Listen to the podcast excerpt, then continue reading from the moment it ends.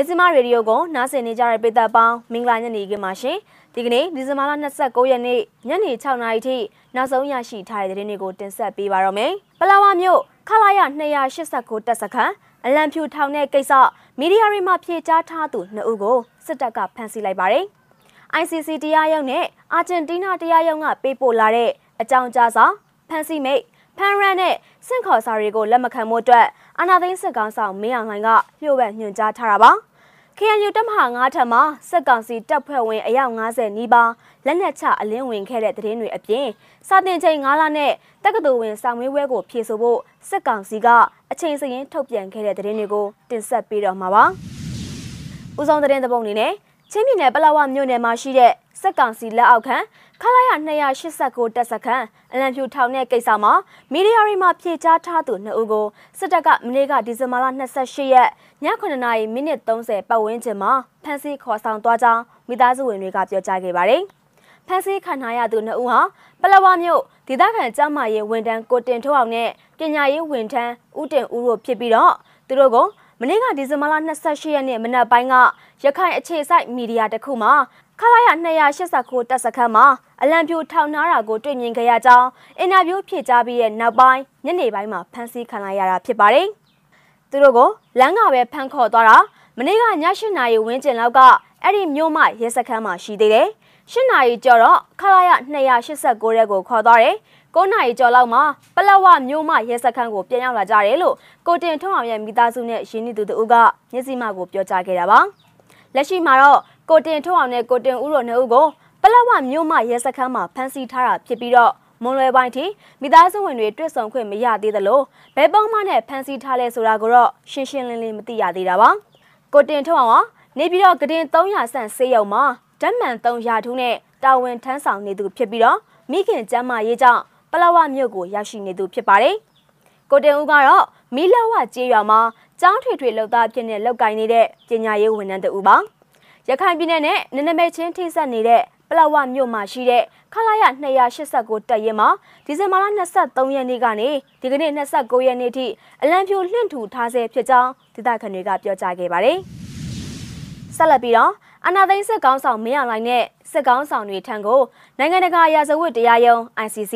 အာဂျင်တီးနားတရားရုံးအပါအဝင်နိုင်ငံတကာအဖွဲ့အစည်းတွေကပေးပို့လာတဲ့အကြောင်းကြားစာဖန်စီမိတ် ဖန်ရန်နဲ့စင့်ခေါ်စာတွေကိုလုံးဝလက်ခံခြင်းမပြုဖို့အတွက်အာဏာသိမ်းစစ်ကောင်ဆောင်မင်းအောင်လှိုင်ကညွှန်ကြားချက်ထုတ်ပြန်ထားကြောင်းသိရှိရပါတယ်။စစ်ကောင်စီခေါင်းဆောင်မင်းအောင်လှိုင်ရဲ့ညွှန်ကြားချက်ကိုနေပြည်တော်တရားလွှတ်တော်ချုပ်ထံကိုပေးပို့ထားတာဖြစ်ပြီးတော့တရားသူကြီးချုပ်ထွန်းထွန်းဦးကလည်းသူ့ရဲ့တရားလွှတ်တော်ဝန်ထမ်းတွေကိုပြည်ပမှဝင်လာတဲ့ဘဲစာကိုမှလက်မခံမှုအတွက်ထက်ဆင့်ထက်မှန်လျှို့ဝှက်ညွှန်ကြားထားကြောင်းသိရှိရပါတယ်။တရားလွှတ်တော်ဝန်ထမ်းတွေအနေနဲ့ပြည်ပမှဝင်ရောက်လေးရှိတဲ့ DHL အပါအဝင် အမြန်ချော့ဖို့နဲ့တခြားနည်းလမ်းတွေနဲ့ပေးပို့လာတဲ့စာတွေကိုလုံးဝလက်ခံခြင်းမပြုဖို့အတွက်ညွှန်ကြားထားကြောင်းသိရှိရတာပါ။လက်တလုံးမြန်မာနိုင်ငံမှာရိုဟင်ဂျာလူမျိုးတွေပေါ်လူမျိုးတုံးတပ်ဖြတ်မှုစစ်တပ်ကအာဏာသိမ်းပြီးတဲ့နောက်ပိုင်းပြည်သူတွေကိုတပ်ဖြတ်ပြီးတော့ရာဇဝတ်မှုကျူးလွန်မှုတွေအတွက်အနာသိန်းစစ်ကောင်းဆောင်မင်းအောင်လှိုင်နဲ့တခြားစစ်ကောင်းဆောင်တွေကိုနိုင်ငံတကာရာဇဝတ်တရားရုံး ICC နဲ့အာဂျင်တီးနားတရားရုံးတို့မှဆွဆွဲထားမှုတွေကို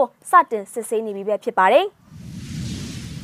KNU တပ်မဟာ9ထံကိုစစ်ကောင်စီတပ်ဖွဲ့ဝင်အယောက်90နီးပါးဟာလက်နက်ချအလင်းဝင်ခဲ့ပါတယ်။ကရင်မျိုးသားအစည်းအရုံး KNU တပ်မဟာ9ထံကိုစစ်တပ်ကအနာသိမ်းတဲ့ဖေဖော်ဝါရီလကနေစတင်ပြီးတော့ဒီဇင်ဘာလ28ရက်နေ့အထိစစ်ကောင်စီတပ်ဖွဲ့ဝင်အယောက်90နီးပါးဟာလက်နက်ချအလင်းဝင်ခဲ့တယ်လို့ KNL တပ်မဟာ9ပြောက်ခွင့်ရဒုဗိုလ်မှူးကြီးစောကလေးတို့ကပြောခဲ့တာပါစစ်တပ်ကအနာသိမ်းပြီးရဲ့နောက်ပိုင်းတရင်တပ်မအသီးသီးမှာတာဝန်ထမ်းဆောင်နေတဲ့ စစ်ကောင်စီတပ်ဖွဲ့ဝင်48ဦးဟာကရင်အမျိုးသားလွတ်မြောက်ရေးတပ်မတော် KNL ထိန်းချုပ်နေရာတွေကတရင်တွေထံမှလက်နက်ချအလင်းဝင်ရောက်လာခဲ့တာပါလက်နက်ချအလင်းဝင်ရောက်လာတဲ့စစ်ကောင်စီတပ်သားအများစုဟာတနင်္သာရီတိုင်းဒဝဲမြို့အခြေဆိုင်စကားဆရှစ်လက်အောက်ခံတပ်ရင်းကတပ်သားတွေအများစုပါဝင်နေတာဖြစ်ပါတယ်လက်နက်ချအလင်းဝင်ခဲ့တဲ့စစ်ကောင်စီတပ်ဖွဲ့ဝင်တွေကိုလှိုက်လဲစွာကြိုဆိုခဲ့ပြီးတော့ကြည်ပြူစွာလက်ခံကျွေးမွေးထားတယ်လို့ KNU ကပြောကြားခဲ့တာပါ စစ်ကောင်စီတပ်ဖွဲ့ဝင်တွေဟာပြည်သူတွေအပေါ်မှာအကြမ်းဖက်လုပ်ရက်တွေကိုကျူးလွန်နေတဲ့အာဏာသိမ်းစစ်ကောင်ဆောင်ရဲ့ခိုင်းစေမှုတွေကိုမလုပ်ချင်တာကြောင့်လက်နက်ချအလင်းဝင်လာတာလို့ဒုဗိုလ်မှူးကြီးစောကလေတို့ကပြောခဲ့ပါတယ်။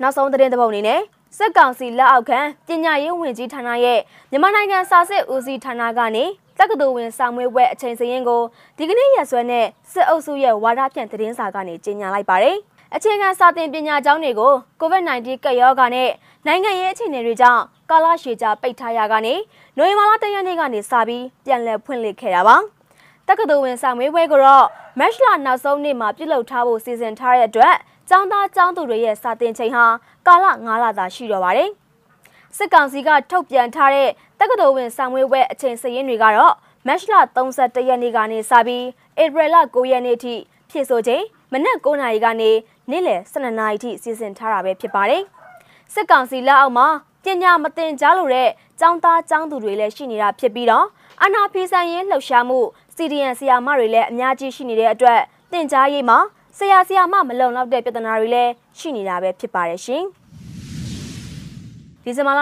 29ရက်နေ့ညနေ6နာရီထိနောက်ဆုံးရရှိထားတဲ့သတင်းတွေကိုရစင်းမရေဒီယိုကနေထုတ်လွှင့်တင်ဆက်ပေးကြတာပါ။နားဆင်ပေးကြတဲ့အတွက်ကျေးဇူးတင်ပါတယ်ရှင်။